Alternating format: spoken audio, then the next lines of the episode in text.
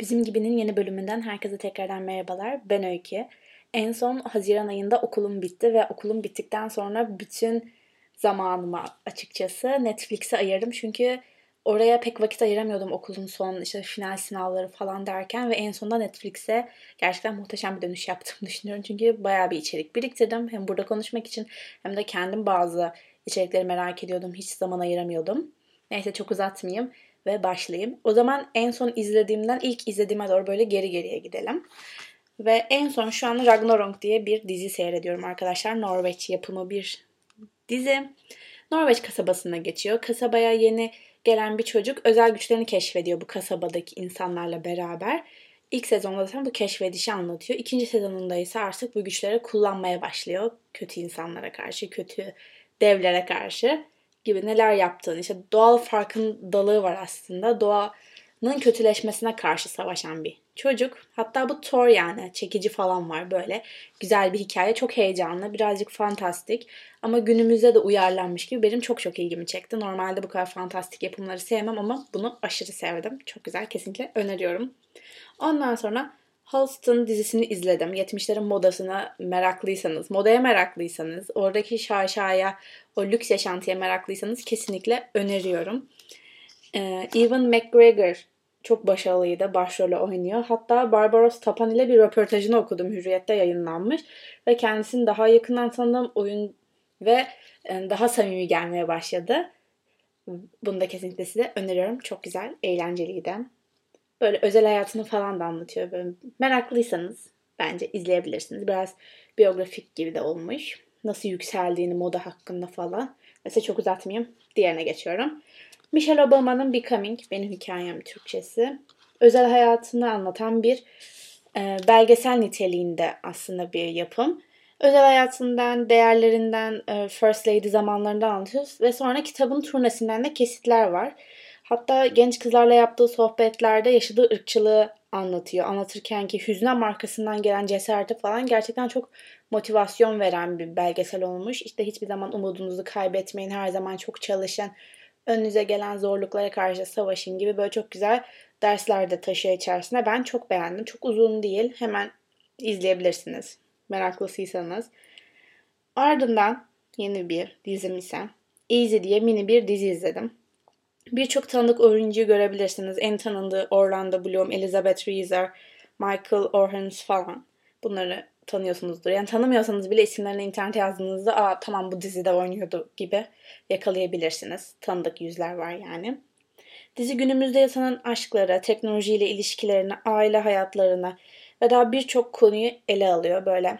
İşte bu yıl, bu yıllarda insanlar nasıl aşka karşı bakıyorlar, teknolojiyle nasıl bir ilişkileri var gibi böyle gerçekten kendinizden de bir şeyler bulabileceğiniz bir dizi. Zaten bölümler 25 ile 50 dakika arası değişiyor. Yani asla sıkılacağınızı düşünmüyorum. Ben normalde çok sıkılırım böyle dizi film izlerken ama bu gerçekten çok çok hızlı aktı. Zaten kısacık. Sonrasında Extraction diye bir e, şey film seyrettim. Konusunu söyleyeceğim size. Böyle aksiyon dolu bir film. Ben normalde aksiyon filmlerini de sevmem. Bu arada bu seyrettiğim filmlerde de genellikle hiç izlemediğim böyle daha değişik türlerde filmler, diziler seyretmeye çalıştım. Çünkü böyle değişikliğe ihtiyacımız var gibi geldi. En azından benim. O yüzden Extraction seyrettim. Chris Hemsworth başrolünde oynuyor. Kendisini çok severim. Umarım ismini doğru okuyabilmişimdir. Aşırı güzel bir oyunculuğu vardı kendisinin. Konusundan bahsetmem gerekirse çok spoiler de vermek istemiyorum ama çoğunlukla zaten Netflix'te yazan konu başlıklarını okuyorum size ki kendim öyle ağzımdan bir şey kaçırıp heyecanınızı kaçırmamak için. Uyuşturucu baronun kaçırılan oğlunu kurtarma amacıyla Bangladeş'e gönderilen sert bir asker oynuyor kendisi. Çok güzel dövüş sahneleri var, çok güzel kovalama sahneleri var zaten. Bolca aksiyon sahnesi içeriyor kısacası çok uzatmayayım. Sonrasında bu sert yapısının altındaki kendisi duygusal olaylarına falan da değiniyorlar filmde. O yüzden güzel bir film öneriyorum. Someone Great diye başka bir filme geçiyorum. Şimdi bu filmi nasıl anlatacağımı bilemiyorum gerçekten. Hem Netflix'tekini okumaya çalışıyorum hem kendiminkini birleştirmeye çalışıyorum bunu. Çünkü değişikti yani nasıl anlatayım bilmiyorum. Böyle deyince de sakın heyecanlanmayın. O kadar da heyecan verici bir film değildi. Üçlü kız grubundan birisi ayrılıyor sevgilisinden. Uzun bir ilişkiden ayrılıyor kızımız. Ayrılıp başka bir şehre işe gitmeye çalışıyor ve gitmeden önce arkadaş grubuyla son bir eğlenmek istiyorlar aslında. Son bu eğlence anında işte karakterlerin yaşadığı eğlenceli, komik hikayeler anlatıyor aslında. Olaylar anlatıyor diyebiliriz. Romantik komedi tadında gayet böyle arkadaşlarınızla izleyebileceğiniz ya da çok canınız sıkıldığı zaman izleyebileceğiniz bir film. Böyle kesinlikle izleyin diyeceğim türden bir şey değil. Ee, en sonunda da bir kitaptan bahsetmek istiyorum. Bir de kitap okudum. Tabii ki de bu kadar film dizildikten sonra birazcık da kitap okumaya vakit ayırayım dedim. Ve bir kitap bitirdim. O da Süt Lekesi Esra Ezmeci'nin akıcı psikolojik bir kitaptı aslında. Böyle bir ım, psikoloğun, psikiyatristin, hatırlamıyorum o kadarını şu anda.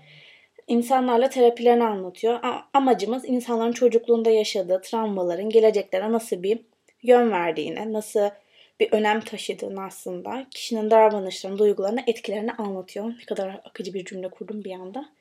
Bunu anlatan Süt Lekesi böyle eğer psikolojiye ilgiliyseniz ben çok ilgiliyimdir. Bu kitabı da önerebilirim. Şimdi benim izlediğim, okuduğum şeyler bitti.